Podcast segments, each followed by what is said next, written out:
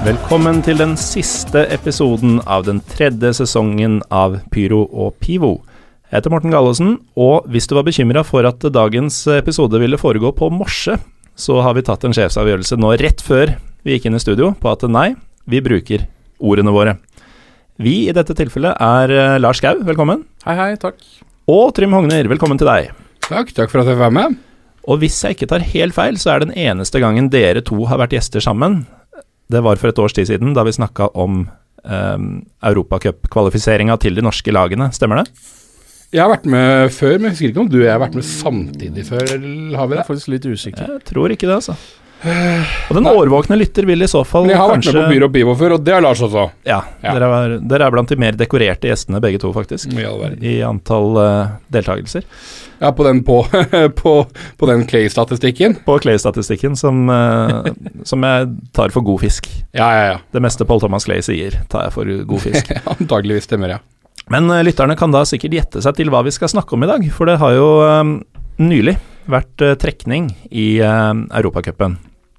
Og de norske lagene har fått sine mer eller mindre spektakulære motstandere satt opp i kvalifiseringa nå i sommer til Europaligaen for de fleste, som er fett, og Champions League for Rosenborg, som vi også skal snakke om. Um, tenker vi kan starte med første runde i Europaligaen, og at vi da kan uh, snakke om Brann, som skal møte Shamrock Rovers. Shamrock, som um, sist de spilte mot et norsk lag, det var i 2015 da de møtte Odd, og tapte begge matchene. Det er vel ikke Det, jeg bare avbryter deg med en gang. Odd, det året der, det var jo det, var jo det året de Det var Dortmund-året? Det var da de møtte Borussia Dortmund. Jeg vet ikke om det var neste match etter der, eller noe etter der igjen. Er fortsatt noe av det pinligste øyeblikket i norsk fotballhistorie. ass. Er, eller øyeblikket, altså perioden i etterkant av den kampen der, hvor Odd liksom var så utrolig stolte av seg sjæl og i det hele tatt.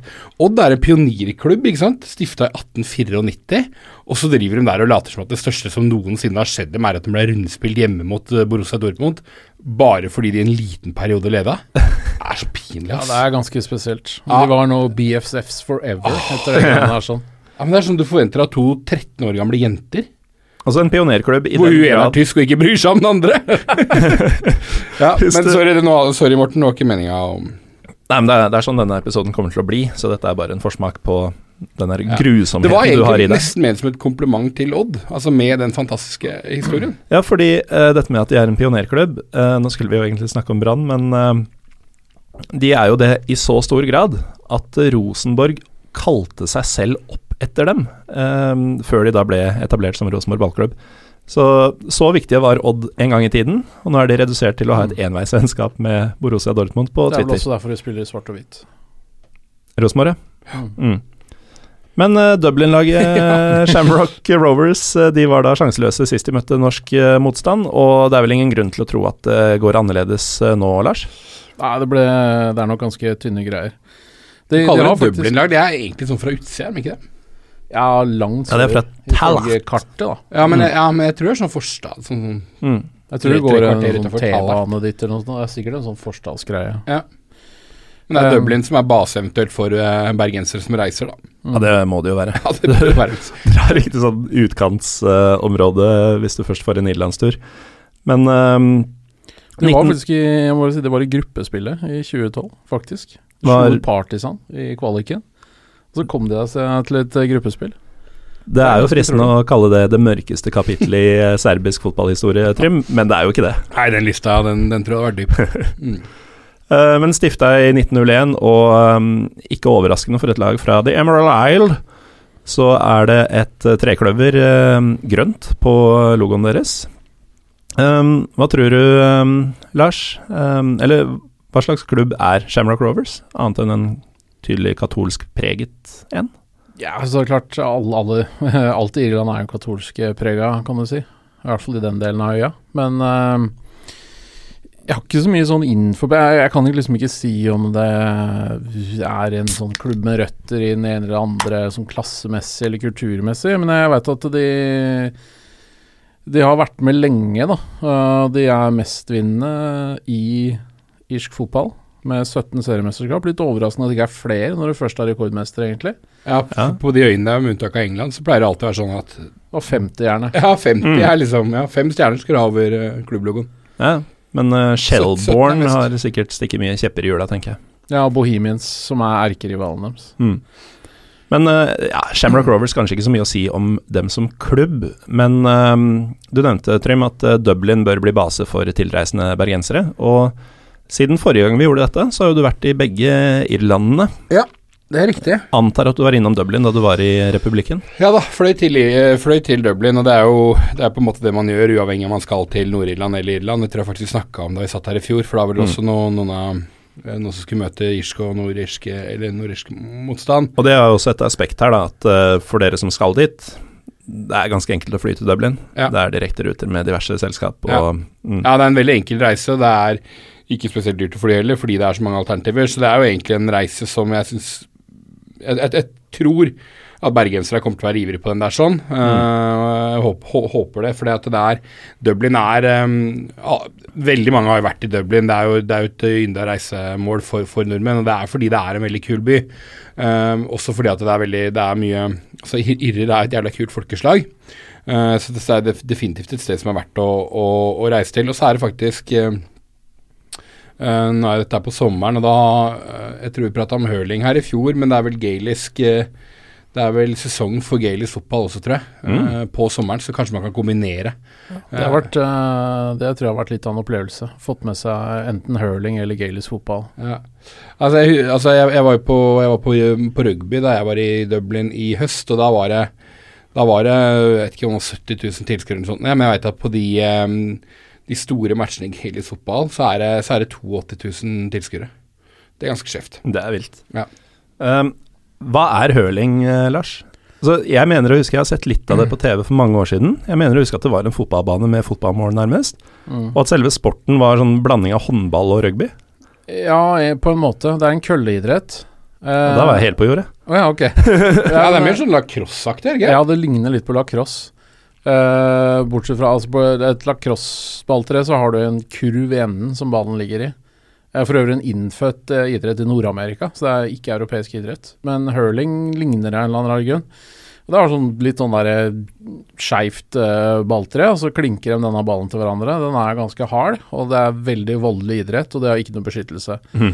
Så det, det, du kan si det ligner litt på Det høres ut som Lars Arne Nilsen-fotball, egentlig. Kommer Hardt og brutalt. Det ligner litt på rugby med køller. Det er ganske brutalt. Brann spillestil kommer til å stå godt til uh, hølinga fra Shamrock Rovers. Absolutt. Nei, men uh, Dublin det er jo en kjempe, kjempekul by, og masse å gjøre. Um, og så er det jo um, altså Shamrock Rovers, vi, vi snakka om at de har vunnet mest. De, de, de er vel kvalifisert fordi de, de kom på andreplass i hjemlig liga, bak, eh, bak Dundalk. Uh, det, er, det er jo også et lag som man tenker at, uh, at Brann bør kunne slå.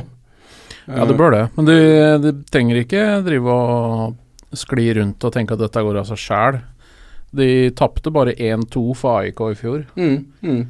Eh, så de må være skjerpa. Det, vi veit jo hvor lett det er for norske lag å drite seg ut når de skal ut, liksom. Så, Ja, eller, eller hjemlig cup. eller hjemlig cup. sitter dagen etter uh, Ja, nå har jo alle ryket ut av cupen mot uh, mindreverdige lag. Ja. Det, Så- Men uh, et skjerpa Altså, et Lars Arne Nilsen-brann bør jo være skjerpa nok til å ikke Ja, feie altså- Shamrock Rovers av banen, men i hvert fall å ta seg videre fra dette her. Ser sånn 0-0 borte og 2-3-0 hjemme, ikke sant. Mm. ja, historien er på norsk fotballs side når det gjelder eh, oppgjør mellom norske klubber og, og irske. Ikke sant. Og um, i samme sammenheng så kan vi kanskje gå til eh, Haugesund, som skal møte vinneren av Barrytown og, fra Wales og Cliftonville fra Belfast, vel? Og Belfast, det ja. blir jo Cliftonville. Ja, det, det tror vi. Det, det som er synd her, er jo, eller for Hauge sin del, og, og, og alle som hadde hatt lyst til å reise der, er jo at Haugesund får fryktelig lite tid til å, til å vite hvem av disse to lagene man møter.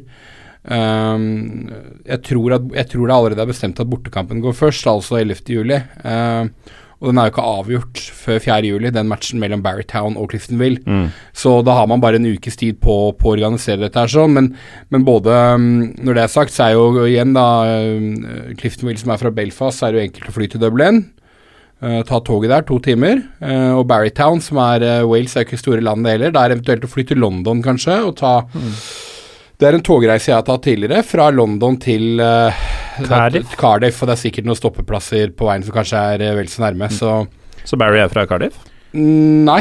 Det er halvannen mil sør for Cardiff. Ja. Eh, nede ved Bristol-kanalen, altså ved vannet. Dette er en sånn resortby med en sånn der pier og en del sånne strender og greier. Slags sånn uh, walisisk eh, Bournemouth, da. Oh, så Barrytown uh, kan faktisk være verdt å besøke sånn, som sted? Ja, det kan jo Jo, men Det altså kan være kult. Det har tivoli og greier. ja, men, altså, ja, ikke sant. Og, og, sommeren på de britiske øyer er jo massivt undervurdert i Norge. Den er det. Uh, Du og jeg vet det Ja, ja, sørkysten av England, det er Mm. helt ja, Wales, da.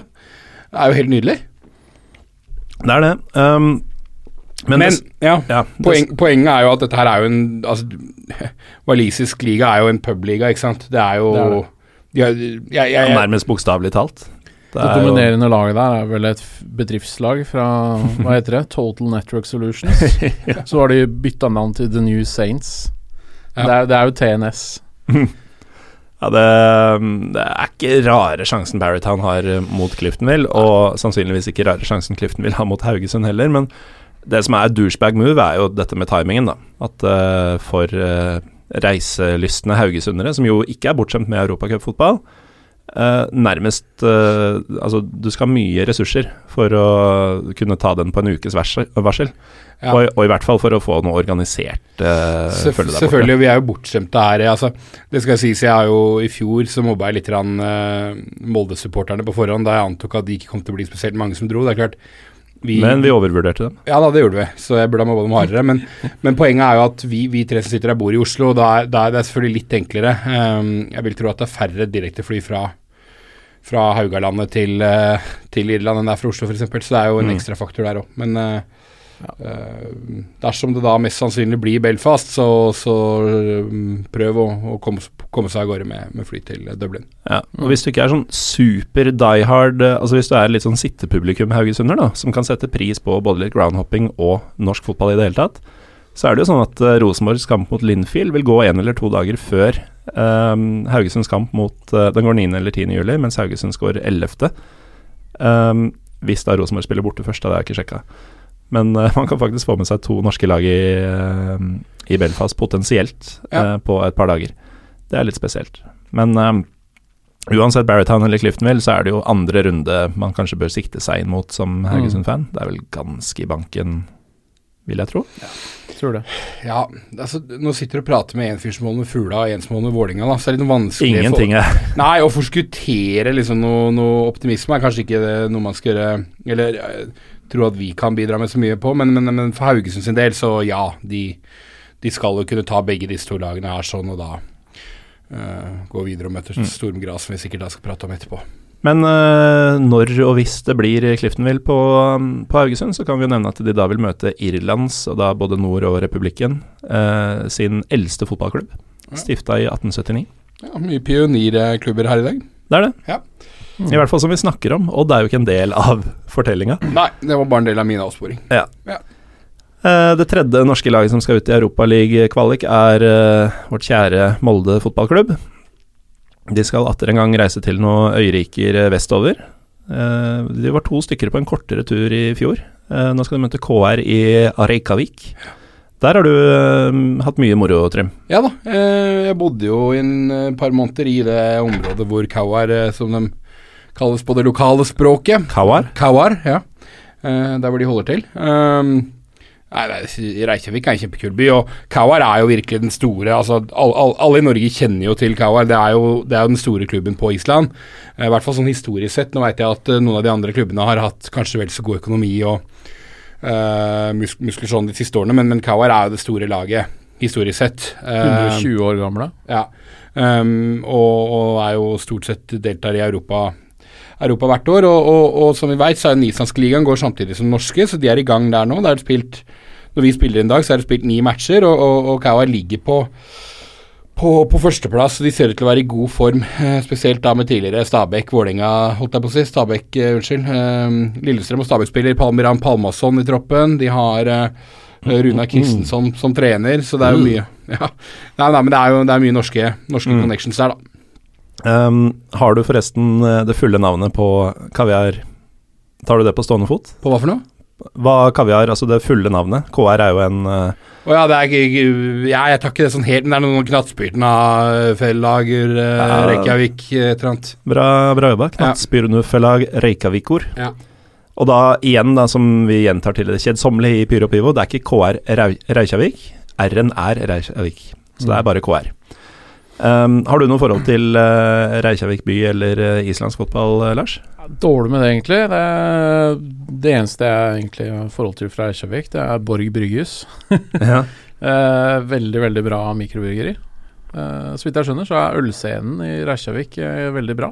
Einstokk er også derfra, er det ikke det? Einstok er derfra. Ja.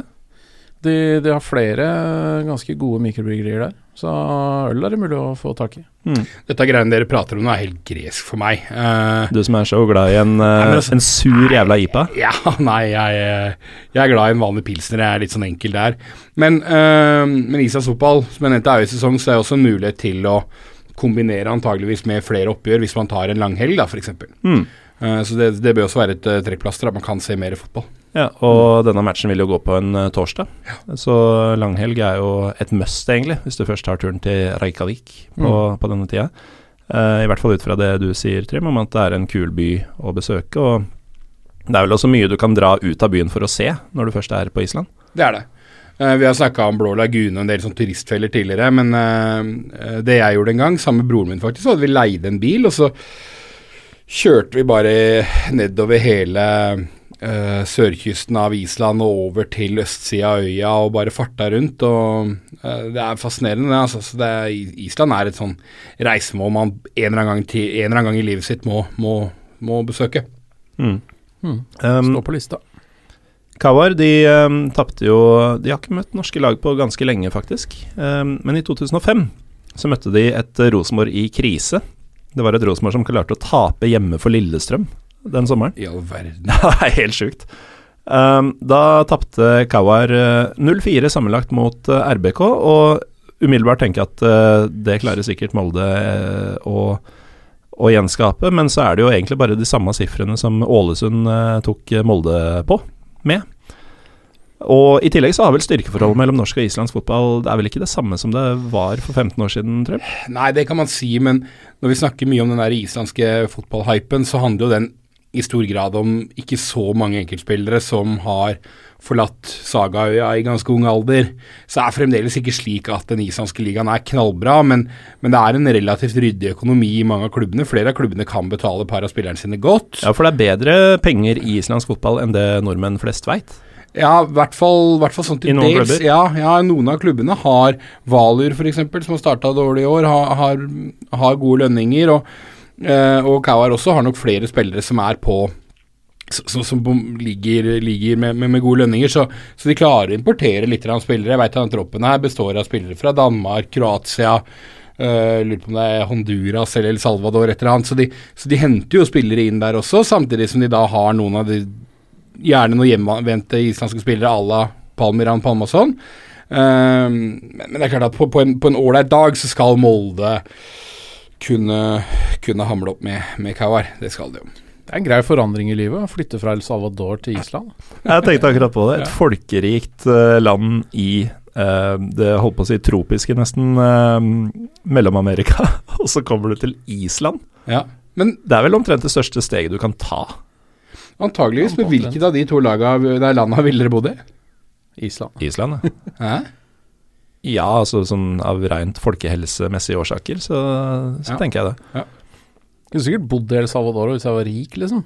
Men da kan du bo hvor som helst. Jo, men, jo, men da bor du i hvert en favela hvis jeg kunne bodd i et hus på Island, liksom. Nei. Nei. Foretrekker Reykjavik-favelaen over eh, Ja, gjør nok det. Ålreit. Det er ikke fullt så absurd som uh, Monaco-favelaen, men det, det nærmer seg. Ja.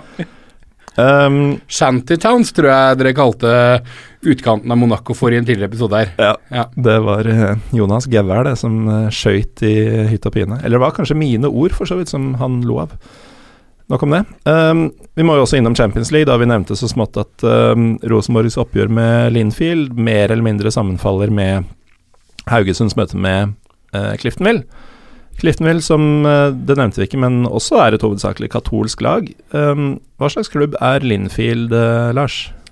Linfield er um, kanskje er en av Europas mest politisk lada klubber, tror jeg. Uh, det er landslaget til liksom den harde unionistsida i, i Belfast. Altså de virkelig drøye folka. Um, og sånn har det alltid vært. Um, vi kan jo kanskje ta historien om Belfast Celtic. For det var jo et annet uh, Celtic-lag i Belfast. Mm. De uh, stifta et par år etter Glasgow Celtic, og da hadde du den derre duopoliet som du har i, i Glasgow, med liksom et hovedsakelig katolsk og et hovedsakelig protestantisk lag, som Mm. kjemper sånne durable fighter da hele tida.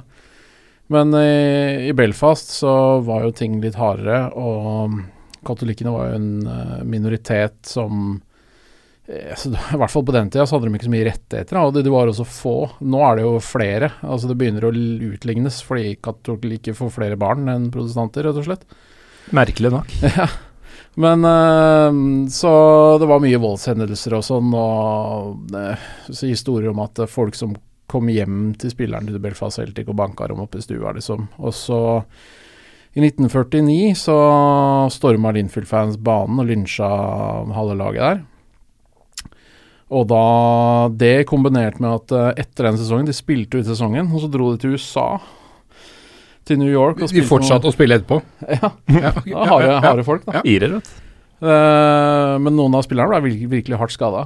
og så dro de til USA etter sesongen og spilte noen kamper der. Og der har du et stort eksil-irsk miljø, da, med IRA-donorer og det ene med det andre. Og da havna det bilder i avisa i Belfast av det laget med disse her folka der, sånn, Mm. med irske flagg og greier. Og da bare fant de ut at eh, vi kan ikke fortsette. Da, en gruppe av spillerne de skrev faktisk et leserinnlegg i, i avisen i Belfast hvor de måtte erklære lojalitet til Storbritannia. For de Mm. var så redde for å rett og slett bare bli drept når de kom hjem.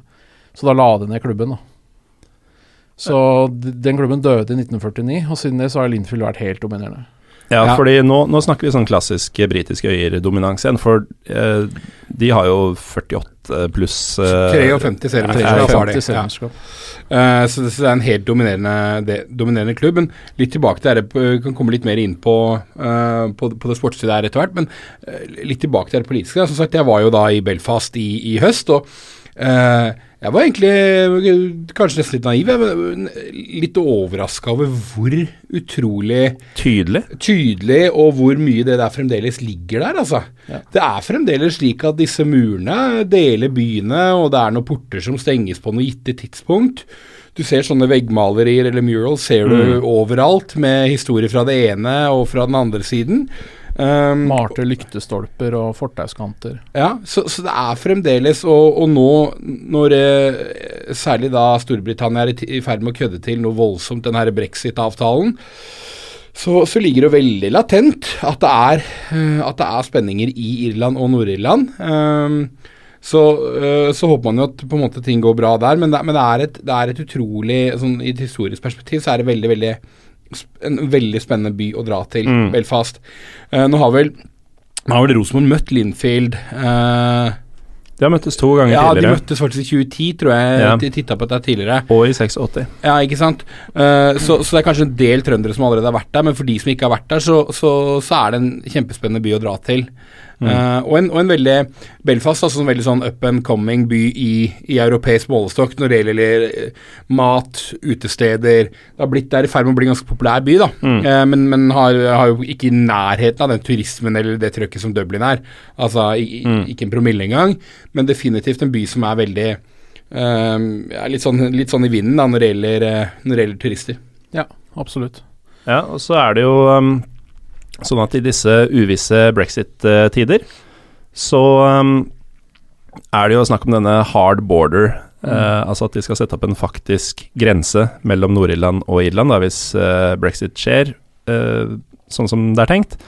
Som gjør at hvis du har tenkt å bruke den varianten hvor du flyr til Dublin og bare drar over og får med deg et land og en by til, um, ikke vil bli umulig, men vesentlig vanskeligere i fremtiden. Ja, Potensielt så kan jo det skje hvis, hvis ting går ordentlig ordentlig sørover. Så får man håpe at det ikke, at det ikke blir sånn, da, for det er veldig synd. Fordi i dag, så selv om jeg sier at de spenningene så til de grader ligger der enda, så er det jo i mye større grad sånn at folk kan jobbe sammen og, og komme noenlunde overens, da. Så, Mm. så det er et poeng Altså, at eh, unge mennesker da er jo Jeg, jeg veit ikke helt om de føler at den konflikten tilhører dem, egentlig, heller. Nei, Eh, samtidig så er det jo fremdeles sånn at både i barnehage og, og, og skole, vet du, så går man separat, eller segregert. Mm.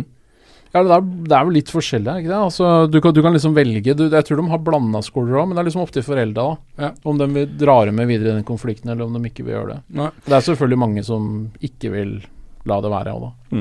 Men igjen, da, Lindfield kjempe, altså desidert det mest suksessfulle laget eh, i Nord-Irland, og, og, og har jo dominert eh, det som heter Danske Bank Premiership i mange år. Det er et herlig navn på en, på en liga. Eh, de, de trenes av David Healy, som jeg tror veldig mange kjenner. eh, Var jo United da han var, mm. da han var ung, og så var han en stor spiller i Leedsville, var i Fullham, var i Rangers, Sunderland, tror jeg. Eh, de har Lurer på om han også var i Preston North End. Ok, ja, det er mulig. Uh, men han eh, 100 landskamper bortimot for, for Nord-Irland og en, en stor en stor fotball, eh, et et stort fotballnavn der, sånn, og de, de har også en bra stadion, for det er de som eier Windsor Park, som er hjemmebanen til det nordirske landslaget også. Mm. Stadion som nylig var renovert. Det er Eh, også litt av grunnen til at uh, katolikker som bor der, ikke støtter det landslaget. da Fordi Mm. at eh, det er så sterkt assosiert med Linfield og med Altså Windsor Park ligger i et protestantisk område, forbundet er et protestantisk område. Det er liksom ikke tvil da om hvem det landslaget egentlig er for. Mm. Så drapstrua hadde også Neil Lennon når han ville spille for dem. Så Ja, og, og styrke laget.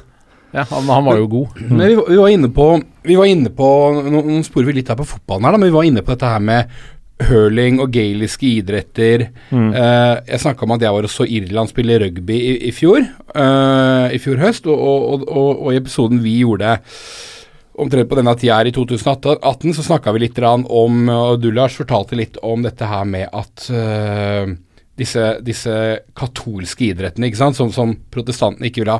Og i fotballen så er det sånn at dette her Der er det et klart skille, ikke sant, for både Nord-Irland og Irland har et hvert sitt landslag, mens i rugby så er det der mye mer forenende. Det er veldig interessant. Eh, for at det der er det faktisk sånn at begge eh, sogner til det Irland-laget, da, som, som representerer på en måte begge landene, eh, til en viss grad i hvert fall. Er Sprøtt at det endrer seg fra idrett til idrett. Ikke sant? Veldig, veldig pussig. Men det eh, noe med at rugby er en litt mer sånn etablissement, overklasseting.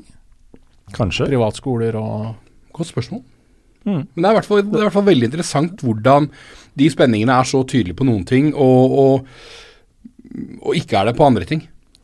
Men uh, Lars, vi, vi har snakka litt overfladisk om denne konflikten, og det koker ofte ned når man snakker om det til protestanter versus uh, katolikker. Uh, men det er jo også et uh, rent politisk aspekt i det, som selvfølgelig er um, påvirka av religionen. Jeg tror det er derfor det gjør det så veldig vanskelig. Da. For at det er eh, både politisk og religiøst. Og så, selv om det ikke er religiøst, så er det Du har liksom både sånn kulturell tilknytning og en politisk tilknytning og en religiøs Mm. tilknytning, og alt separerer folk her, liksom. For protestantene vil jo i aller høyeste grad sverge troskap til dronning, den eng, altså britiske dronninga, Ja. um, og, og får eh, en del av monarkiet mm. uh, Great Britain, eh, eller United Kingdom. Mens eh, katolikkene da heller søker mot republikken Irland og, og blir en del av den, som da tilfeldigvis er eh, hovedsakelig katolsk. Men Rosenborg skal jo slå dette laget, Det eh, for, for å komme litt tilbake til Ja. fotball. De gjorde det da de møttes i 2010. Og i 1986 Ja, ja fordi at uh, Altså, uh, det her må vi jo få lov til å si, Lars. Uh, Linfield har møtt norske lag mange ganger. De, de har møtt, de har møtt Stabæk, de har møtt Lillestrøm to ganger, de har møtt Rosenborg to ganger.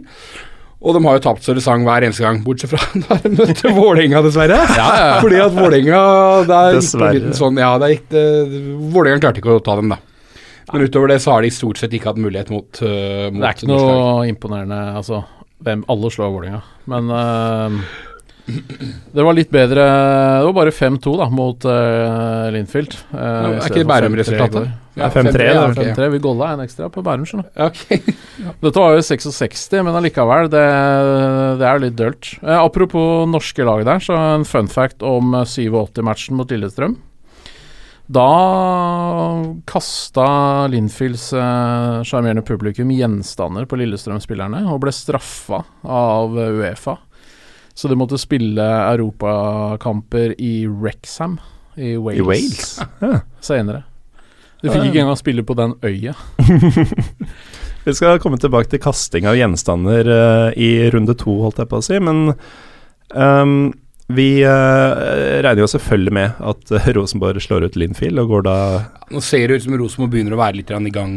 Det har- det har vært Mm. jævla mye sirup i begynnelsen av det prosjektet til Horneland, eh, men, men det ser jo nå ut til at de begynner å, å havne på rett spor, så man må jo anta at, eh, at eh, Lin, Linfield nok en gang Uh, må, se, må se seg slått av norsk, norsk overlegenhet. Tenk så leie de er av å møte norske lag, bortsett fra ja, Vålerenga. men det kan man jo det kan, jo, det kan vi godt si litt om òg, da. Jeg, jeg synes det er litt sånn Vi, vi snakka litt om det før vi gikk på lufta i dag, at det er litt trist at dette opplegget fører til at skandinaviske lag veldig ofte møter britiske lag. Mm. Eh, Det er bri britiske og islandske. ja, britiske pluss um, irske, da, kanskje man skal ta- med det skillet. Ja, og, is og islandske.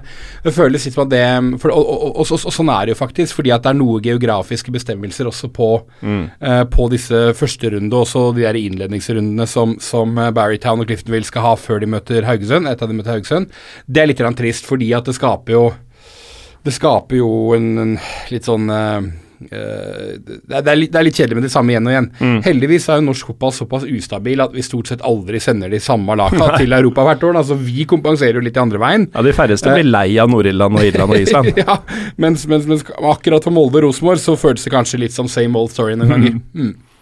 Eh, ja, Apropos, vi glemte å spørre hvor mange blir uh, Hvor mange tar turen fra Molde til Reykjavik for denne matchen? I fjor var det to i Nord-Irland. Vi hadde jo forventa tre-fire, men ble skuffa. Jeg tipper eh, Mm. Jeg tipper tre. Trym, du, eh, du er jo en stor forkjemper for Moldes eh, fotball- og supporterkultur. Ja, Um, det er riktig, Morten. Hvor mange tror du de sender til Island? Jeg tror jeg drar på litt. Jeg. Eh, vet du hva, de var, de var mange mot Ålesund. Eh, Ålesund er litt sånn, eh, sånn norsk-Island, eh, men det er kanskje, kanskje geografi Jo, men sånn Ja, Med sånn. sidelengsregn og alltid ja, 11 ja. grader og den Så jeg tror faktisk jeg tar rennafart og melder sju moldensere. Shit! eh, som ikke er en del av støtteapparatet til klubben, men som selvfølgelig reiser på det der faste, trygge opplegget som er liksom uh, I regi av klubben. Ja, SAR uh, Travel Agency-opplegg. Det tror jeg nok. tror nok det.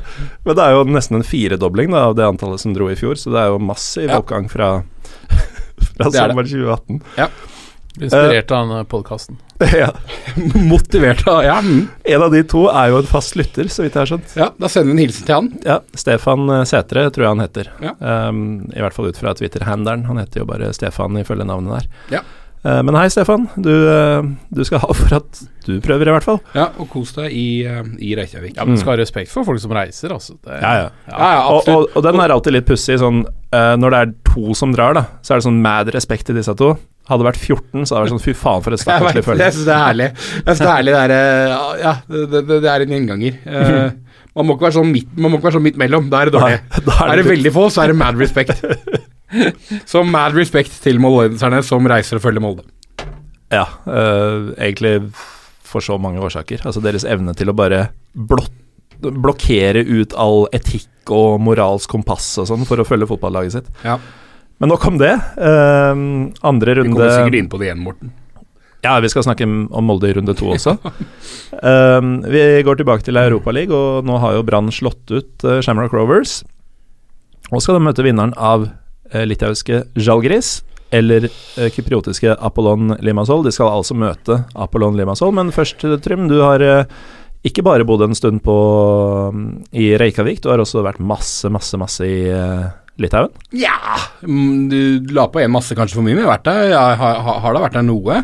Syns Litauen er et veldig kult land. Eh, så er det viktig å nevne at det er jo, de, de skal møte Sjalgris Vilnius. fordi at Litauen er egentlig noen basketballand, og, og den største klubben i, i Litauen heter jo Sjalgris, men kommer fra Kaunas, altså den andre byen. Uh, Bergensavisen skrev det. Ja, Uh, ja, de gjorde det, ja. Ja, ja, de skrev I Bergensavisen så står det at du skal møte dette her eh, Kau, Kaunas eh, Salgeris, eller hva det heter. Ja. basketlaget. Men de har ikke et fotballag. Vi vet sikkert at det er Vilnius de skal møte. Det er Vilnius de skal uh, Jeg møte. sjekka på EFA sine sider. okay. er. Ja, Vilnius og det Schalgris Vilnius har jo Pau Mårer og Erton Fesha, Jeg vet ikke hvordan man uttaler det. Fesha Sahula, som var i Han var i Sarpsborg. Og, Ja. og, og, Og Per Mårer er han som var i Sandefjord i fjor. Ja, og var ganske bra. Sandefjord i fjor? Ja. uh, men, eh, men, men også Det er mange kjenninger som har spilt i Litauisk fotball siste årene. Thomas Malic, din store favoritt, som var i Lillestrøm tidligere. Han elsker jeg høyt. Ja da, så eh, selvfølgelig kypriotisk klubbfotball har vært bra eh, i, i mange år på rad nå, så, så at Apollon Limassol er storfavoritt, det er ikke noe å lure på. Eh, men jeg tror ikke litauisk fotball nødvendigvis er så dårlig som, som den kanskje har vært, da. Nei. Uh, uansett så er det her er jo virkelig en kjempeopptur, enten det blir det ene eller det andre. Eh, for Dødskull trekning for Brann. ja, absolutt. Og eh, jo, jo, jo, men det mener jeg virkelig, altså. Så For, er det at Pyro og Pivo mener at Žalgiris er drømmemotstandere begge. Jo, men, men, men Litauen på sommeren, da du har Klaipeda og Palanga og noen sånne fantastisk vakre områder med endeløse sandstrender, og det er kjempeflott der. Så hvis man har mulighet til å dra til Litauen på sommeren, så skal man faktisk gjøre det. Og ja, og, og Vilnius i seg selv er en strålende by, Ja. eh, i hvert fall for et par dager. ja, ja. Du har uh, Trakai utafor med Slottet, og Sweeteries, undervurdert øl. Uh, spesielt den mørke syns jeg er nydelig. selvfølgelig vil dere ha noe sånn, ja, et eller annet sånn Mye bra håndverksøl i, i de baltiske stater, Og så og så har du den der planka med sånne der tradisjonelle mm, herbal liqueurs, som er helt jævlig, Ja. men som man jo må gjøre. Eh, men, men det går masse Det går masse fly til eh, til, til eh, Vilnius, men også til Palanga, som jeg nevnte. Eh, og så er det jo Og Klaipeda, vel? Ja, Klaipeda Palanga er egentlig en samme. Heter, Ja, ja. Flyplassen heter kanskje Klaipeda. Uh, og så er det jo hjemlandet til den gamle brannhelten Thomas Razanauskas. Ikke sant? Razanauskas. Ja, De burde jo ha bortetid for- bortetifo med Razanauskas på. Det antar jeg at de kommer til å ha. Uh? For, for han var ikke latvier? Nei. Nei. Nei, nei. nei da. Dette- Nei, selvfølgelig er han Nei, hvis det heter sånn Auskas, så er det Ja, ja. Det er jævlig interessant med litauere, vet du. At mannfolka Nå sporer jeg inn, da. Men mannfolka har jo navn som slutter på S, mens, mens damene har A, navn som slutter på A eller E. Ja. Eh, ofte Jene. Ja, Noe som vel betyr at de er gift. Å? Ja vel. Ja, fortell mer. Nei, mm. altså den Endinga på navnet best, uh, forteller om du er gift eller ikke. Det er ganske stigmatiserende. Ja, ja jeg skal ikke si hvordan jeg veit det, for det er, det, er- det, er- det, det, det Data da du en uh, en gang? Ingen kommentar. Men, men, men, men det skal også sies om Litauen at det er jo øh, veldig flotte jenter. Og, Mm. og, og god stemning. Så absolutt et sted man, øh, man kan slå i hjel et par dager og ha det veldig gøy. Mye kjøtt, og jeg vet ikke om du har vært der selv, eh, Lars, eh, men øh, av en eller annen grunn veldig mange georgiske restauranter, i, i hvert fall i Vilnius. Kult. Og eh, georgisk mat. Altså, ja, det er uh, i kjøtt pinneland, det. Altså, Ja, og så har man jo disse pizzavariantene som Mm. heter khachapuri. Uh, og så ikke minst i dumplingsa. Prøvde du det med i Georgia? Det som heter khinkali. Altså, det, det jeg håper nå, det er at Brann-supportere sitter og skriver ned navnet på georgisk mat som de potensielt ikke kommer til å få spist i Litauen, Ja, for fordi uh, Žalgiris Vilnius ryker jo mot Apollon Limassol fra Vi- vi- Kypros. Vi vier kanskje uforholdsmessig mye tid til Žalgiris her, men det er delvis fordi uh, vi syns det er en fetere, en fetere trekning. Og eh, vi skal være så ærlige og si at vi vet mer om uh, Litauen enn om Kypros. Og Ja, i hvert fall til en viss grad. Uh, mm, Vet dere hva Žalgris betyr? Hva det er? Trym er mer enn grønne kriger, et eller annet. Kriger. Det er en henvisning til slaget ved Tannenberg i 1410. Ja. Da, Hva skjedde der? Da fikk eh, Tyskland, eller storfyrstedømmet, eh, slo Altså det litauiske storfyrstedømmet slo den tyske orden. Eh, og da innførte den en sånn storhetstid for det derre polsk-litauiske storriket. Mm. Og det er de veldig glad for, som at halvparten av idrettslagene der borte heter Žalgiris. Ja, sånn skulle det vært i Norge òg. Tenk om alle het Stikkelstad, f.eks. At det var liksom sånn Vålerenga het Stikkelstad-Oslo, og så hadde du da Storhamar Hockey het uh, Stiklestad Hamar. Ja, det var nydelig. Det var bare på Stiklestad det ikke fantes noe lag som het det. Men uh, vi Ja. ja, nei. Nei, jeg bare sier at uh, det er jo fett hvis det blir Litauen-tur på, på bergenserne. Mm. Uh, men jeg, jeg tror nok at man, man skal begynne å se i retning at dette antageligvis blir Kypros. Ja, og du kan jo ikke tape, da. Altså Nå har vi nevnt masse gode aspekter Mm. ved å komme seg uh, på en sommertur til eh, Litauen. Og så sier det seg jo selv da at eh, Kypros eh, nå eh, Antagelig så vet de fleste bergensere som hører på, mye mer om Kypros enn oss. Fordi jeg har foreløpig ikke vært der, og jeg er ikke noen sydenturist sånn generelt, selv om jeg skal til Malta snart. Eh, Ja. Nei, jeg har vært på Kypros, og men det er altså ni av ti nordmenn har vært på Kypros. Ikke sant? Det er som Svinesund. Uh, alle, alle har ramla innom Kypros på et eller annet tidspunkt, bortsett fra deg, Morten. Og, uh, men, men det er nettopp derfor at det er kanskje ikke så mye Du, du trenger ikke å sitte og prate så veldig mange om, om, om trekkplaster for å dra til Kypros. Det er halloumi, og det er uh, sol, og det er eh, Hva er heter det lokale ølet? Uh, eller, eller lokale håndbryggølet, som dere sikkert er mer opptatt av. Eh, altså, det er god stemning, så det sier seg sjæl. Apropos håndbryggøl, så har jo faktisk eh, en av bryggerne bak Nøgne Ø flytta ut til Kypros og starta håndverksbryggeri der nede. så er det bare å søke opp hva det heter, og så er du golden. Solo. Ja, du trenger ikke å søke opp hva det betyr. Du er golden, eh, bergenser. Um, og for mer om uh, Apollon, som blir snakka en del om, og i det hele tatt Kypros og kypriotisk fotball, så kan jeg rett og slett vise til episode 72 fra i høst, da forfatter Andreas Kyriako kom og fortalte om alle disse lagene med forkortelser fra et par byer. Men fra et eh, yndet feriemål for nordmenn eh, til et annet, eh, Lars Skau, så har jo Molde nå gått videre fra matchen mot KR og skal møte vinneren av Tsjukaritsjki og FC Banans, Så da begynner vi med Banans, som kommer fra Jerevan, i Armenia. Ja, og dette er en klubb verken du eller jeg hadde hørt om fra før. Um, Nei, det er ikke noe særlig å høre om heller, egentlig. Det, Det er ikke noe de, altså, kjapt da kan man si at det er en oligarkeid klubb som ble grunnlagt i 92 i en eller annen landsby. Det passer jo innmari godt til. Molde, da. Flytta til Jerevan i 2001. Kjøpt opp av to karer. Men jeg, jeg googla navnet på eierne, og da kom jeg fram til at eh, han ene, som heter Djevan Cheloyant, han er en eller annen sånn toppfyr i Lukoil, det russiske oljeselskapet. Det er uh, sikkert sympatisk. Og han andre heter Oleg Mrktsjian. Og Google News første treff er Ukrainian-Armenian businessman accused of embezzling 85 billion rubles. 85 milliarder. Men, men, men dette sa jo også Uefa under trekningene. Jeg vet ikke om noen andre satt og så på noe av trekninga live. Jeg, så, jeg fikk ikke sett alt, men jeg så deler av det. Og da er det jo faktisk sånn at flere klubber er med, altså ikke bare de vi snakker om her nå, da, men, men generelt sett som er, med, som er kvalifisert for Europaligaen og helt sikkert også Champions League. Så er det sånn pending uh, ulike ting, da. Mm. Fordi at flere klubber er jo både under etterforskning fra eget forbund, fra skattemyndigheter, fra politi Her høres det ut til å være alt. Ja, eh, ja dette Ja. kan nok være en klubb som tikker flere bokser. Stadionet som ble bygd med Fifa-penger. Fifa-penger. Ja, eller Uefa eller Fifa. Har i hvert fall tilskudd derfra. Det er sånn bitte liten stadion. Alt er helt nytt og helt strøkent, da. Og Mm. klubbhuset er liksom en sånn ordentlig fint moderne kontorlokale og sånt noe, så alt er liksom på stell, da. Men det er jo fordi at det er eh, friske penger som har kommet inn her. Ikke sant. Jeg ser også at eh, treneren er uh, Ilshat Faizulin, og jeg, jeg lurte litt på hvorfor eh, det navnet klinga godt for meg. Uh, han var en russisk spiss han som uh, spilte en masse kamper i uh, spansk og portugisisk fotball på slutten av 90-, begynnelsen av 2000-tallet, nesten uten å skåre mål. Så jeg må ha sett den på et gammelt championship manager eller noe sånt. Men eh, i hvert fall eh, russisk trener med, med fortid som spiller i Moskva-lag og sånn. Det Mm. lukter jo litt høyere, og, og ikke minst spillekarriere rundt omkring i forskjellige europeiske land. Lukter jo litt oligarkpenger av lønna hans også. Det er jo ikke en fyr du bare henter.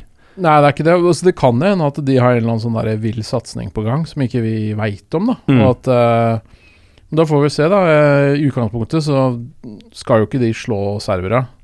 Men hvis de har en eller annen sånn der at de har henta inn noen afrikanere vi ikke har sett eh, altså, ikke sant? For jeg har jo ikke sett spillerstallen deres. Vi, eh, vi vet egentlig lite om eh, FC Banans, må vi innrømme, men eh, Lars, du og jeg og Josh Di Placito, vi har jo laget en episode om um, Kaukasus, hvor vi da først og fremst snakka om Armenia og Georgia, ikke så veldig mye Aserbajdsjan. Uh, nummer 85 fra i høst. Ikke at man ble så mye fotballklokere, Men det, det skal man heller ikke bli i Pyro Pivo. Nei. Det skal handle om eh, mat fra Kaukasus og eh, reisemål ingen egentlig kommer til å dra. Ja, og bare si fra hvis du vil ha flere retter fra Georgia. Men eh, til dere moldensere som uh, Fordi det er jo ikke Altså, Tsjukarizjki skal jo være et bedre lag bare sånn basert på hvor de er fra, men det er ikke noen automatikk i at et serbisk lag leverer mot et lag som vi ikke vet så mye om, uh, Trym. Så muligheten for at Molde skal til Armenia er jo til stede. Uh, vi kan ta høyde for det. Uh, og i så fall så må dere to moldenserne høre på episode 85 en gang til. For dere har sikkert hørt den før, dere som faktisk dro til. Ja, det er faktisk ikke umulig å komme seg dit heller. Uh, det er en del lavprisalternativer. Uh, blant annet Air Baltic tror jeg flyr dit. Du kan fly til Ja, via Riga eller sånn, eller? Ja, du Jeg kan fly til Air Baltic. Ganske rimelig. Mm. Ja, jeg Det fløy, noe å ha på CV-en og har vært Molde-fan i Jerevan. vet du. jeg fløy i sin tid Aeroflot eh, via Moskva til uh, Jerevan, og så fløy jeg Air Baltic eh, via Riga tilbake fra Tbilisi. Så sjekk ut i hvert fall de to. Jeg tror også at Nei, det tror jeg ikke. Jeg var der, så flert Check Airlines. For du var der og fulgte Vålerenga i Europa, var du ikke det? Mm. Imot Det var mot uh, FC Mika, Ja, Mika, som ja. nå ikke lenger finnes. Stemmer. Få se hvor lenge Banans fins også, hvis uh, disse oligarkgutta blir tatt for alskens uh, lureri. Ja. Men Tsjukaritsjki, Trym. Ja. Uh, Eh, Du har, du har vært på besøk hos noen i det området av byen? Ja, Sjukaritski er en klubb fra Sjukaritsa, som er en bydel eh, oppe i åsene i, i Beograd. Så er det egentlig en bydelsklubb fra, fra Beograd. Det er faktisk, eh, tror jeg, fremdeles den eneste privateide klubben, helt privateide klubben i Serbia. Mm. Det er en klubb som egentlig drives veldig riktig. Jobber mye med talentutvikling og gjør mange riktige ting. Men det er ikke en klubb med veldig stor oppslutning. Jeg tror, jeg tror det er sånn 400-500 fans i snitt som, som ser hjemmekampene. Eh, kanskje til og med nesten litt mindre òg. Så sammenlignet med de andre Beograd-klubbene, så den ikke, har den ikke noe veldig stor following, men de, men de jobber veldig riktig og har flere år på rad nå. ehm, hatt ganske ok, okay uh, ligaplasseringer. vel på jeg mener det var fjerdeplass i grunnserien i, i fjor, hvis ikke jeg husker feil nå. Uh, det burde jeg hatt i hodet. Men, uh, men det er jo klubben til Kolarov eh, kom, kom jo opp via, via Sjukaritsjki. Så det er en det, er, det er en klubb som, som, som, som kan, kan levere på et bra nivå. Og du var litt inne på det med at serbiske klubber kan ha en tendens til å choke litt i i kvalik, vi nevnte vel Partisan som hadde røket her ti- ti- tidligere for noen år siden. Mot, eh, ja, så, det, det, det kan selvfølgelig skje, men i utgangspunktet så tror jeg at det blir Sjukaritsjki som Molde skal møte. Og da møter Molde et lag som, i hvert fall når de er gode, kan, skal kunne levere, levere bra matching. Mm. Så er det et, eh, hva skal vi si, i god serbisk ånd kanskje, et eh, etnisk homogent lag. For det, de har én en afrikaner, ganeseren ghaneseren eh, Samuel Ovusu. Og utenom det så har de én spiller fra Bosnia, én spiller fra Montenegro, og resten er serbere. Ja, Og, og bosneren er da eh, en serbisk bosner. Ja, Republika Serbia, Mm. selvfølgelig. Men sånn er det jo veldig ofte med, med flere av de klubbene. Det er ikke masse importspillere, og det er jo fordi at tilgangen på serbiske talenter er jo er veldig stor. Mm. Også når man som som vel også har vært nevnt i noen eh, episoder tidligere av Pyro Pivo, dette her med at Republika Serbska At Serbia har mulighet til å hente en del spillere derfra. Um, men uh, hvis jeg får lov til å, siden det er sesongens siste episode, får lov til å til å ta en liten digresjon her om, uh, om nabolaget Sjukarisha, så Sånt tillater vi ikke i Pyro Pivo. Nei, men da, da får du heller redigere meg bort etterpå. Uh, og ikke minst hvis det blir for drøy kost. Men du og jeg har vært på dobbeldate med to jenter fra bydelen Sjukarisha. Jeg visste jo ikke at det var en uh, date. Jeg trodde vi bare møtte noen venninner av deg. Ja, og sånn oppførte dere også. Fordi vi var jo ute og hadde en hyggelig kveld i, i Beograd for noen år tilbake, Morten og jeg. Og da eh, var det eh, hva skal jeg kalle det, en slags tidligere venninne av meg som, som kom og møtte oss. Og så fikk hun det inntrykket folk ofte får tidlig når de møter Morten, fram til de får skrapt litt over eh, litt, litt, litt over bare overflaten, nemlig at han er en hyggelig fyr. Nå er han jo Ja, det er litt sånn Det er ikke alltid det stemmer helt, da. Eh, Så hun følte at nei, men pokker heller, jeg kan invitere ei eh, venninne til, og så går vi ut og tar noe Tar noe godt, noen noe, noe rakia-glass Noe og, og har det hyggelig. Så, så vi sitter da ute og har en koselig kveld på i, eh, i Bohemkvartalet i, i Beograd. Og, Skaderlia. ja, har det veldig hyggelig. Um, og så reiser Morten seg på et eller annet tidspunkt på kvelden for å gå på toalettet, noe man jo gjerne gjør når man er på et utested og det er sent på kvelden. Og så kommer han aldri tilbake. Hmm. Ja. Og, vi, og så Tida går, og vi sitter, vi sitter her liksom oppe på sånn her amfi da, og vi liksom ser utover stedet, liksom. Og så, Og utover dansegulvet, ikke minst. ja, og så, og så begynner ja, hun, disse jentene begynner å lure litt på liksom, går det bra med Morten, og kan det ha skjedd noe med han, og sånt. Og jeg har et veldig avslappa forhold til uh, Hvorvidt det skjer noe med meg. ja, eh, for andres ve og vel. Så, så jeg, jeg tenkte ikke så veldig mye på det, men eller lot meg ikke affisere så veldig. Men plutselig så oppdager da hun ene av disse to eh, pikene at Morten står nede på dansegulvet. Morten er jo to meter og ti høy, eh, så han synes jo veldig godt. 205, takk. Eh, ja, eh, over gjennomsnittet, la oss kalle det det, da. Eh, står på dansegulvet der nede, fra, eh, som vi da ser fra dette amfiet, og, og råkline med ei annen dame. Eh, og det som er med serberne, er at de er jo veldig opptatt av at du skal ha Du, du skal ikke være nødvendigvis ha så mye nestkjærlighet med folk du ikke kjenner. Det ligger jo veldig godt i serbisk kultur. Så Morten ble jo eh, person, eh, persona non grata så til de grader, og, og um, fikk ikke være med til Sjukarica den, den kvelden. Eh, men det, igjen, det var kanskje en digresjon. Og Eh, det sjuke er at dette er en redigert versjon av historien. ja, ja. Utelot fryktelig mye nå, men, eh, men, men det er ikke alt lytterne trenger å Det er ikke alle detaljer de skal brys med. Vet du hva, jeg har nylig funnet ut at eh, eh, i hvert fall én forelder til en av mine elever hører på Pyro og Pivo. Okay. Så dette var en kjærkommen digresjon Ja. som, jeg, som jeg takker deg Vi for. får se eh, om det eh, klippes i, i, i, eh, i, i redaksjonen. ja, det, det gjør det jo ikke, men det blir spennende å se om jeg har de samme kontaktelevene neste år. Ja. Etter stormen som kommer. Men det jeg egentlig forsøkte å illustrere med denne historien her, det er at Beograd er en by hvor man kan både møte hyggelige mennesker, sånn som du gjorde den kvelden, Morten, Og havne i øksa. ja, og havne i øksa. Man kan, man kan tråkke litt i begge i holdt på å si flere retninger. Men det er, det er jo Vi har snakka om det så mye før at jeg skal ikke dra så mye på det, men Beograd er en kjempekul by. Mm. Um, så jeg er fryktelig misunnelig på uh, de potensielle motstanderne Molde Mm. Eller den, altså Ja. det først, først å møte Kawa her. Tur til Reykjavik, ikke så vanskelig, selvfølgelig litt dyrt øh, å være der og fly dit sånn nå, men, men en veldig overkommelig tur. Og så får du mest sannsynlig tur til Beograd. De, de har virkelig vært heldige her, altså. Ja, og får du ikke turen til Beograd, så får du en tur til eh, Jerevan, som jo er en fantastisk by, det også, Lars. Ja, det er kjempespennende sted. Masse historie, masse digg mat. Det er, det er en opplevelse for livet, da. Så det er jo egentlig bare å gratulere Stefan og kompisen hans. Uh, uansett hvem av disse to dere får, så blir det en fantastisk tur. Og uh, sportslig, det er vel ikke umulig for Molde å slå Tsjukaritsjki? Nei, som jeg sa, som jeg sa i stad, det serbiske lag kan tråkke på noen bananskall. Jeg mener at hvis vi, ser, hvis vi ser et bra Molde, altså det Molde som i hvert fall tidlig i sesongen i år så veldig bra ut, har kanskje fått en liten justering nå, vet ikke, men eh, Eller jeg tenker veldig mye på Ålesund-matchen, da, men eh, et, et bra Molde slår Tsjukarizjki. Så, så her har de fått en motstander de også kan avansere mot. Til slutt, Trym, åssen kommer man seg til Beograd? Nei, det går jo direkte fly. Uh, antakeligvis ikke fra Molde, jeg vet ikke hva flyplassen heter i Molde, men, men fra Gardermoen går det Åre. direkte fly. Hm? Åre. Åre er det selvfølgelig. Jeg er ganske sikker på at det ikke går fly ut til Beograd fra Åre. Men går det fly direkte til Erevan fra, fra Åre? Nei. Nei da, men det er, jo, det er jo fly du kan øh, Det er jo bare å, å dundre på direkte fra Gardermoen, det. Jeg tror at de var i ferd med å etablere en direkterute mellom Molde og Krasnojarsk, Mm. men eh, denne, der har de skrinlagt eh, planene etter at Ja. Pe- ja. Mm. Ja. Det ble ikke så mye trafikk. Ja. Nei. Nei. Uh, men jeg tror Molde Jeg tror faktisk Molde, fra spøk til alvor, så tror jeg de har uh, Jeg tror de gjerne har eget charterfly ja, når de reiser, eh, og at supportere kan være med der. Jeg tror i hvert fall det var tilfellet tidligere. Jeg tror det var tilfellet i fjor. mm. Det er Det er en del lag som gjør det. Vålinga har gjort det noen ganger. I hvert fall hvis det er til litt sånn ubeleilige steder. Og så finansierer de liksom delvis med at de selger noen seter til, til fans da, som sitter Ja. bak i flyet bak gardina. Og Og det er jo ikke sånn Molde trenger å tenke på, finanser. Nei. Det, det flyet bare oppstår, det. Ja.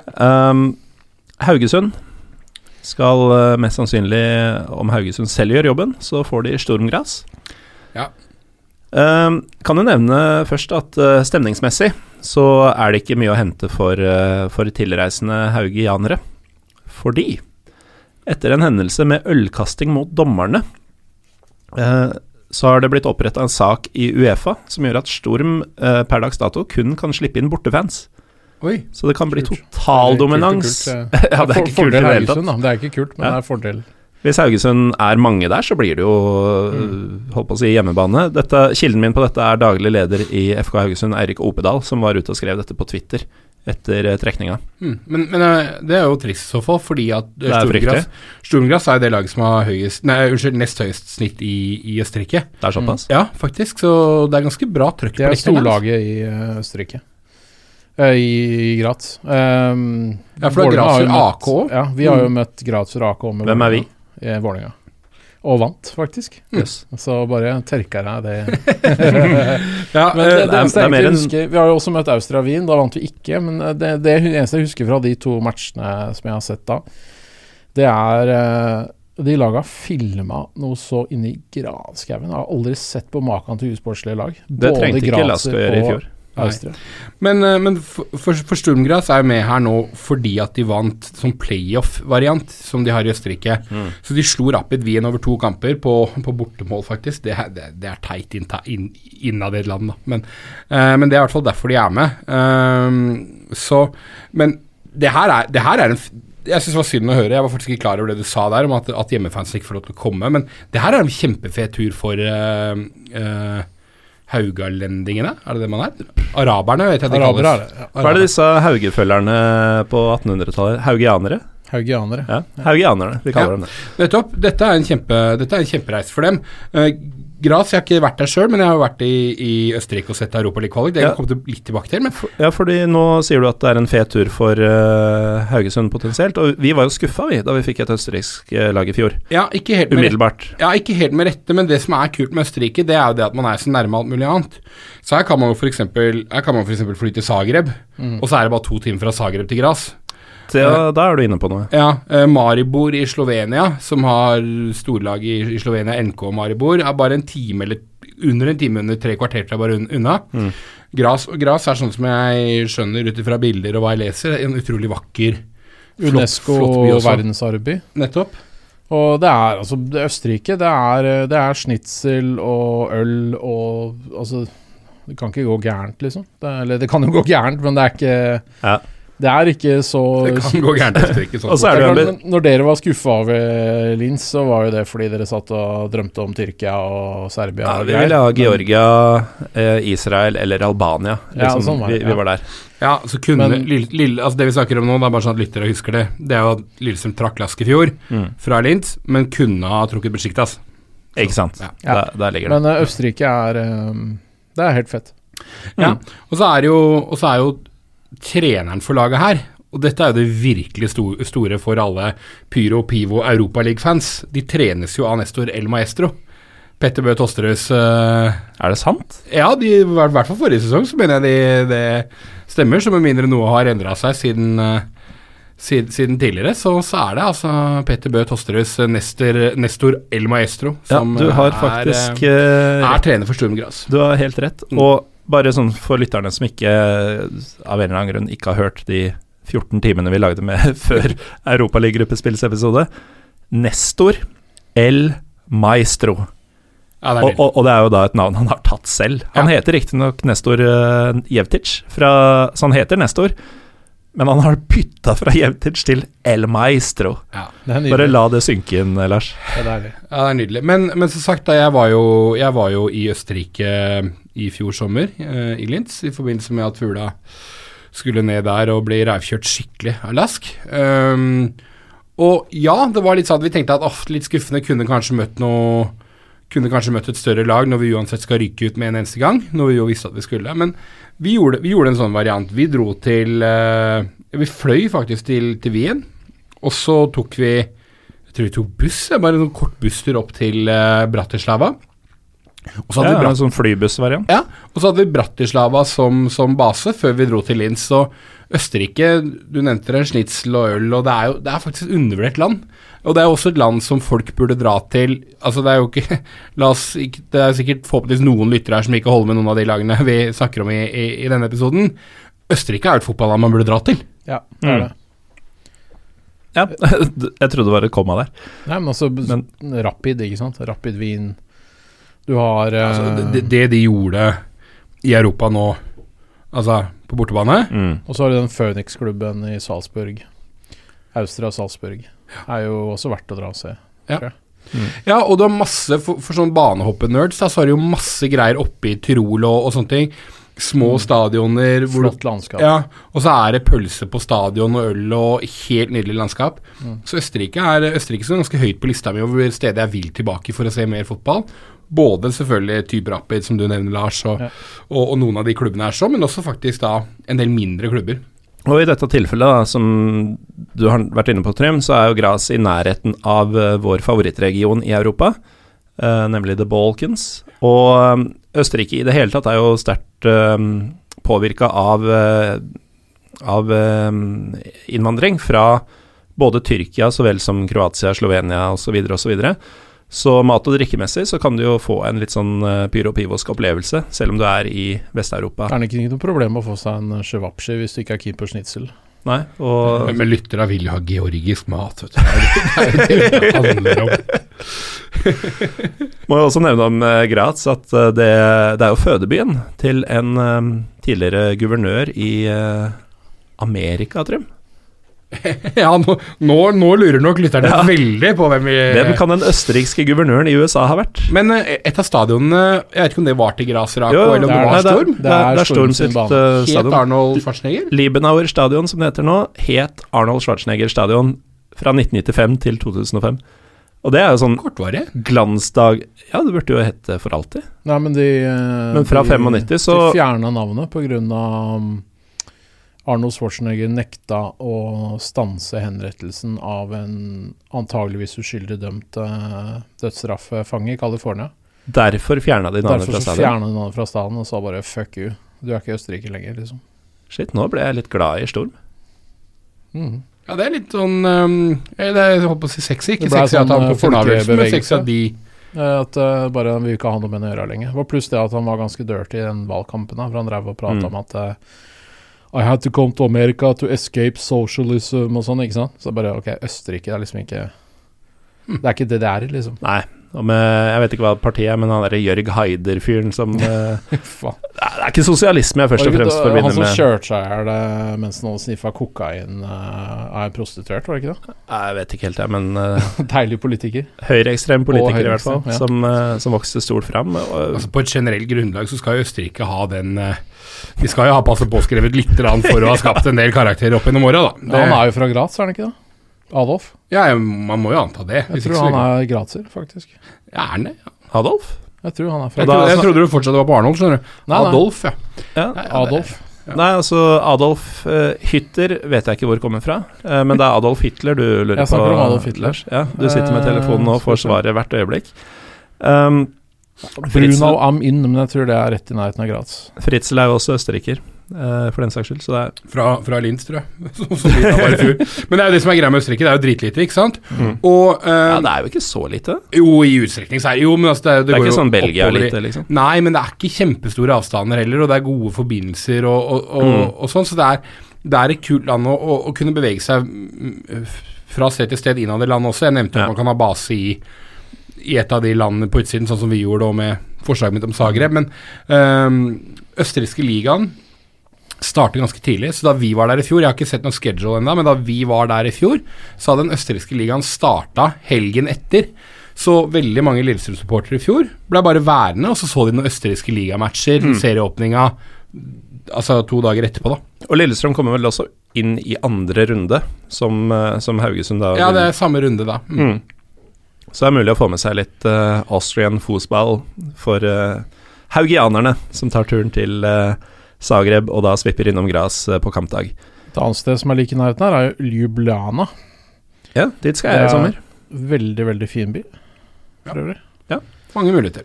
Fin by, riktignok gjort på en dag eller to, men, Mm. men flott sted å se. Så er det bare én match igjen, eller to scenarioer, da, men Rosenborg skal da i andre kvalikrunde til Champions League møte enten Bate eller Piast Gliwice. Og eh, siden jeg var i Hviterussland eh, så sent som i høst, så kan jeg jo starte med å si et par ting om, eh, om, om Hviterussland i det hele tatt, da. Fordi eh, jeg anbefaler Minsk, som eh, ligger en sånn time, halvannen unna med tog. Noe vanvittig som man kan høre i det jeg tror var episode nummer 79.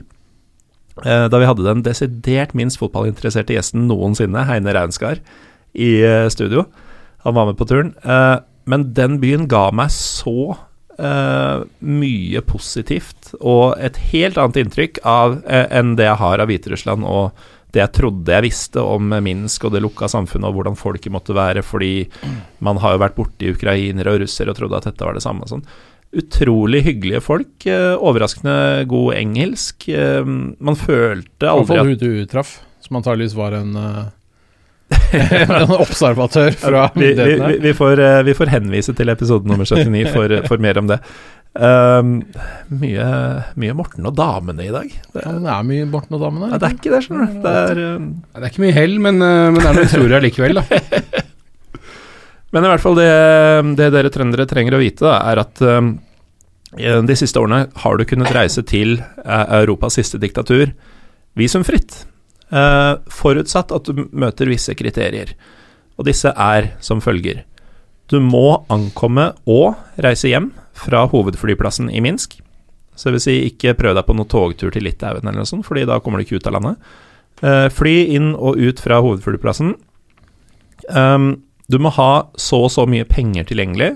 Vi ble ikke bedt om å dokumentere det, men eh, det er nok mest fordi de ser på passet at du er fra Norge, og så er det der summen du må ha med er latterlig liten. Du må liksom ha tilgang til 400 kroner eller noe sånt. Og det er påbudt å ha reiseforsikring. Um, har du ikke en fra før, så er det ikke noe å stresse med. Du kan kjøpe en ved ankomst for sånn 30-40 kroner. Eh, så det er veldig enkelt å komme seg dit. Uh, Opptil flere varianter eh, med Altså, du må ta en mellomlanding, men det er veldig mange flyselskaper, eller relativt mange, som tar deg til eh, Minsk, og derfor er det lett å ta toget til Borisov. Ha base i Minsk, fordi Borisov er den døveste byen jeg noensinne har sett. Og Emil Jonassen, eh, norsk fotballspiller, Trym, okay. han spiller i Bate. Ja. Og hvis Emil Jonassen bor i Borisov, så syns jeg jævlig synd på han. Er ikke han fra Sarpsborg eller noe sånt? Altså, I så mener fall at det er er en oppgradering. Nei, men det er, det er seriøst eh, et av de kjedeligste stedene jeg har vært. Men det er 40 minutter eller sånn fra, fra Minsk, eller? Ja, med, med tog var det en time Vi tok det billigste toget, det var halvannen time. Ok. Jeg er sikker Dere downscaler litt på Det er Hviterussland, gutta. La oss ikke Kiev, det ja, billigste toget. Ja, men det toget kosta til gjengjeld sju kroner eller noe sånt. Okay. Men eh, For det er sinnssykt billig i, i Minsk, eller i Hviterussland, og sikkert enda billigere i Borisov enn det er i Minsk. Men det er ingenting å se, ingenting å spise, ingen steder å drikke. Det er en svær Lenin-statue på torvet. Uh, den kan du se på vei til stallen, for så vidt. Jeg tror heller ikke det er umulig å overtale en taxisjåfør til å ta deg fra Minsk til Borisov og igjen Nei, dette er ikke Molde, dette er Rosenborg. Da er det kanskje noen, da. Um, men å si at du får 200 kroner for å kjøre oss til Borisov og komme tilbake igjen, eh, eller 200 fra hver, da, eventuelt, så, så får du med deg dem på det. Men husker du hva Bate står for? Borisov eh, Automobil and Tractor Electronics. Riktig, bra, Ja. bingo. Husker det fra Petter Bø Tosterhus Ja, preken for et par år siden. nevnt- tidligere, det.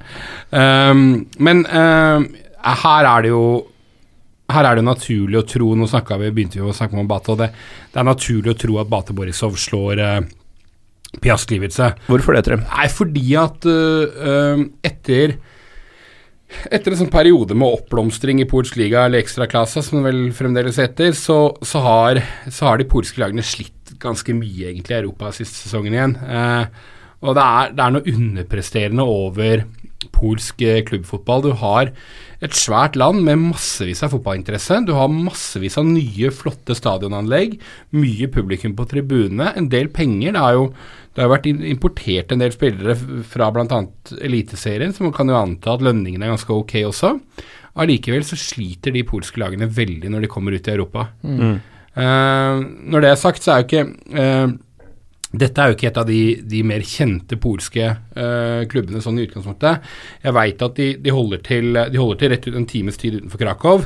Uh, og, og er rett i nærheten av uh, Katowice, som er en flyplass som jeg vet hvert fall tidligere at en del sånn lavprisflyselskap fløy direkte til. Det er en Mm. slags sånn Ryanair-flyplass i Polen. Så skulle det bli Så- Piaz, så flyr man til Krakow eller uh, Katowice. Ja, så, så det er jo sånn sett så bør det være et- også et ganske enkelt sted å komme seg til. Da. Så det er en Mm. Og man kan være i Krakow, en by jeg har vært i mange ganger, som er fantastisk en av de kuleste byene i Europa. Har de noen fine georgiske restauranter? Nei, men de har mye flotte Eller ja, det kan godt være. det, må, det burde jeg ha funnet ut av, beklager det. Men, eh, men polsk mat er jo også undervurdert, ikke sant? Mm. Eh, og så til dere to ølhipstere, da, så er det jo masse deilig eh, øl som gjerne har sånn eh, vin, vinprosent. Så du, du, du, men det smaker som sånn lyst eh, ledig øl. Ja, men Polen har en utrolig øltradisjon, faktisk. Eh, den skal ikke undervurderes. Og polsk eh, håndverksøl også, litt sånn jåleøl, det er eh, på høyde med verdens beste. Hmm. Men de har så liksom For oss så er det mye sånne rare navn, det er vanskelig å huske de, og de liksom Så det, alt blir litt sånn blurry. Men uh, i fjor, på Håndverksølfestivalen her i Oslo, så var det et polsk bryggeri. Det, de var noen av stjernene på showet der. Var det da Trym og jeg møtte deg og dine kompanier litt seinere på kvelden og ikke skjønte et ord av hva noen av dere sa? Ja, det kan hende. Det var, jeg hadde 36 check-ins på Untapped eh, dagen etterpå. Så Den er lei, Trym. Ja, den er seig. Uh, nei da, men uh, å reise til Polen er jo Det er jo alltid noe man ehm, bør unne seg det. Så, så det kan bli, dersom det litt mot formodning, eller i hvert fall mot hva vi kanskje tror, så skulle det bli um, så må det være en kul, eh, kul Kul, eh, altså det, er en, en kul tur, det.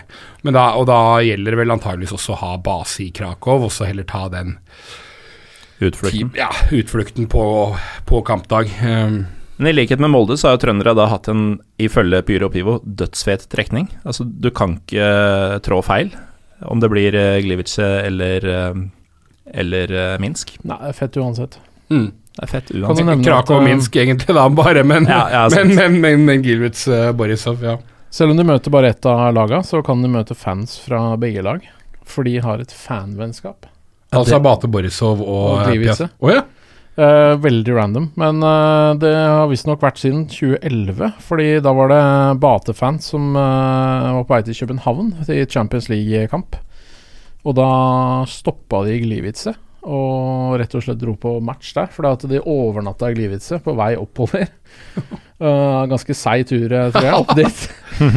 Så de Buss fra Hviterussland via Polen til København. Ja, ja. og da Der, eh, ramla de innom den matchen til, til Piast, og siden så har de vært BFFs. BFFs. Ifølge Google så er det 95 mil mellom eh, Borisov og Gliwice. Ja, det er ikke bare altså. Det er jo tur-retur eh, Bergen, da. Ja. Så det er, det er jo seigt. Ja, det er, pluss det er, en, det er en grense der, da, og litt sånn forskjellig, som eh, kanskje litt eh, vanskeligere å komme til enn Bergen. Og grenser mellom eh, tidligere sovjetstater og satellittstater, eh, Trym, det er ikke bare bare med kollektivtrafikk.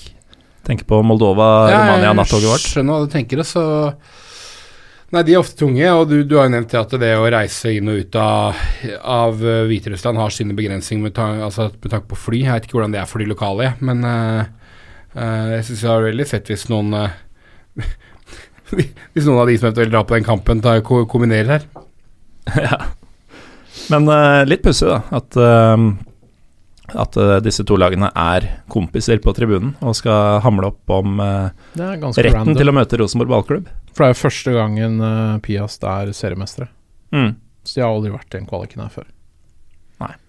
Enda en grunn kanskje til at de eh, levnes liten sjanse Altså, mot, Bate, som jo er en gjenganger i både Champions League og Europaliga-gruppespill. Ja, det er, det, er jo, det er jo et lag som er mye mindre enn de Altså Hvis du tenker sånn Lech Poznan, Legia Warszawa Tilskuerrekorden deres tror jeg er på 9000 eller sånt, så det er ikke, det er ikke en kjempe, kjempesvær klubb sammenligna med de andre polske lagene.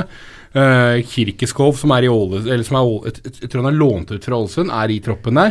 Så det føles jo liksom ikke ut som sånn supersexy mannskap heller, når du, når du låner spillere fra Obos-ligaen. Jeg tror Bate tar dem ganske greit, egentlig. Nei, jeg- det er rart tror å bli seriemester, også. seriemestere, nesten. Altså, Å være lege jeg holdt på med denne sesongen her, da. Men med all respekt Og Lech og Visva og Ja, ja, altså, hva, jo, men det er en egen Pyro Pivo-episode, alt som har skjedd i Visva Krakow. eh, de siste årene. Uh, men uh, men med, altså bare litt med det jeg mente at jeg ikke har sett mye av dette laget, her sånn, så føles det nesten som det kanskje sier noe om polsk klubbfotball anno 2019 at de vant 2018-19-sesongen i Polen. Det sier noe. sier en god del. Ellers så har jeg én fun fact om Gliwice. Du ville ville du ikke er- vært her om du ikke hadde det. Hvis du er, uh, hvis du er radioentusiast og trønder Og det er man jo! Altså, jeg er glad du la til 'og trønder', fordi jeg tror de færreste radioentusiaster i Norge ikke er trøndere. Ja, det er sant. Ja. Hvis du har sånn fyr som har sånn der eh, 15 meter høy antenne i hagen og sånn, som gir naboen eh, stråleskader og sånn, da Men, men samtidig høre på podkast. Herlig premiss. Ok, ja, kjør. Det er smalt publikum, men ok. Nå, nå begynner vi, ja. Det, Gliwice har verdens høyeste radiotårn bygget i treverk. På 118 meter. Dette, har du hørt noe mer Lars Skauete noensinne? Eh, nei. Nei, jeg svarer på det. Å, for en herlig måte å avslutte. Dette var jo fun, uh, på sitt vis. For en herlig måte å avslutte sesongen på. Ja, jeg tror det. Jeg tror ikke det er mulig å legge til. Nei, det skulle nesten blitt siste ord. Vi burde bare klippet bort alt som ble sagt etter Radiomast. Rett på outromusikken. Uh, men uansett, uh, vi, det er jo litt vemodig her, fordi dette er siste vi gjør før ut i august en gang. Og dere to har vært uh, viktig del av uh, Pyro Pivo. Lars, du først og fremst det siste drøye året, du Trym siden starten. Um, så det er jo bare rett og rimelig at dere er med på å close sesong tre, som har vært, uh, må jeg innrømme, uh, den beste til nå, altså fra mitt ståsted. Har, vi har aldri blitt hørt av flere. Um, vi har hatt dette 100, episode 100-showet som overgikk noe vi noensinne har gjort før, og forhåpentligvis ikke, men kanskje noe vi kommer til å gjøre igjen. Um, så jeg vet ikke helt hva jeg prøver å si her, men jeg vil eh, i hvert fall takke dere to for at Ja. dere var med nå, fordi dere, dere har vært såpass solide støttespillere over så lang tid. Nei, takk for det. Takk for at jeg får være med. Ja. nei, men det har vært en Jeg, er jo ivrig lytter selv, så jeg syns det er gøy å innimellom få lov til å komme inn og, og prate litt. Um, og så får man jo bare kose seg med at uh, til tross for at det nå er sesongens siste Pyro Pivo-episode, så er det jo en, en deilig fotballsommer med uh, U21-mesterskapet. Når vi sitter og spiller dette her sånn, så er det dagen før Romania-England U21. Kan ikke du si litt om uh, da vi satt og så Romania-Kroatia U21 her om dagen? For da, Ja, da var det bra det ikke var noen damer i rommet. Ja da. Det, nei, da var, det, da, var da var stemninga het, rett og slett. Og det er, det er et veldig sexy U21-mesterskap i San Marino og, og Italia nå. Det er kvinnenes fotball-VM pågår fremdeles, og det er vel også Afrika-mesterskapet starter straks. Det er i gang. Copa America er godt i gang. Ja, Gold Cup, selv om det ikke går på norsk TV. Så det er, det er deilig fotballsommer, selv om sesongen er eh, over for Pyro Pivo. Altså, det må sies. Fryktelig dårlig samvittighet for at vi ikke har en Gold Cup-episode, faktisk. ja, ja, det skjønner jeg, for det er vel det eneste som egentlig mangler. Ja. Ja, men da um, Ja. Da får det være et mål til sesong fire.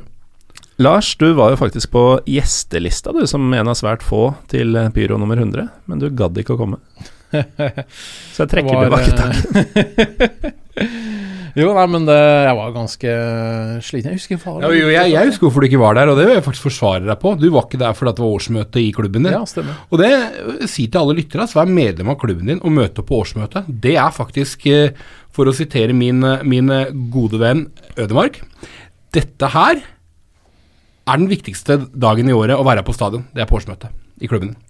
Det er også noe med at hvis du hvis du tenker at eh, jeg har tenkt å melde meg inn eh, hvis det begynner å skje noen problemer, da kan det være for seint. Fordi at eh, det er en, en tidsperiode før et eventuelt årsmøte hvor Altså, hvis du har vært, du må ha vært medlem så og så lenge før for å ha stemmerett. Mm.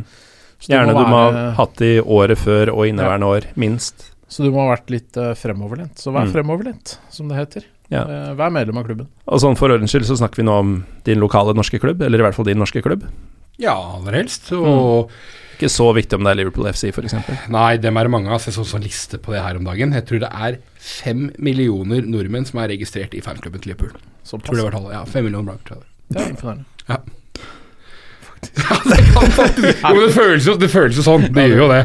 Det gjør det. Um, får du ikke nok av uh, Trym Hogner, uh, så er catchphrasen 'takk for det, takk for at jeg fikk være med', egentlig henta fra en annen podkast. Uh, du har jo en, eller vært med på å starte en uh, rein Lillestrøm-podkast. En uavhengig sådan, selvfølgelig, med deg i studio. Jeg får lov til å være med, ja. Mm. Ja, du, du får lov å være med Og, på harde mottak. Ja, og det, og det som er, er at det går jo sedvanligvis egentlig så dårlig med Lillestrøm at vi har jo vel så mange som lytter som ikke er Lillestrøm-fans.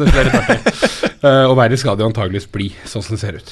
Så blir det en overvekt av uh, ikke Lillestrøm-fans etter hvert. Ja, det blir sånn Sånn- feel good-stemning for folk som ikke liker klubben. Høres ut som jeg må begynne å høre på.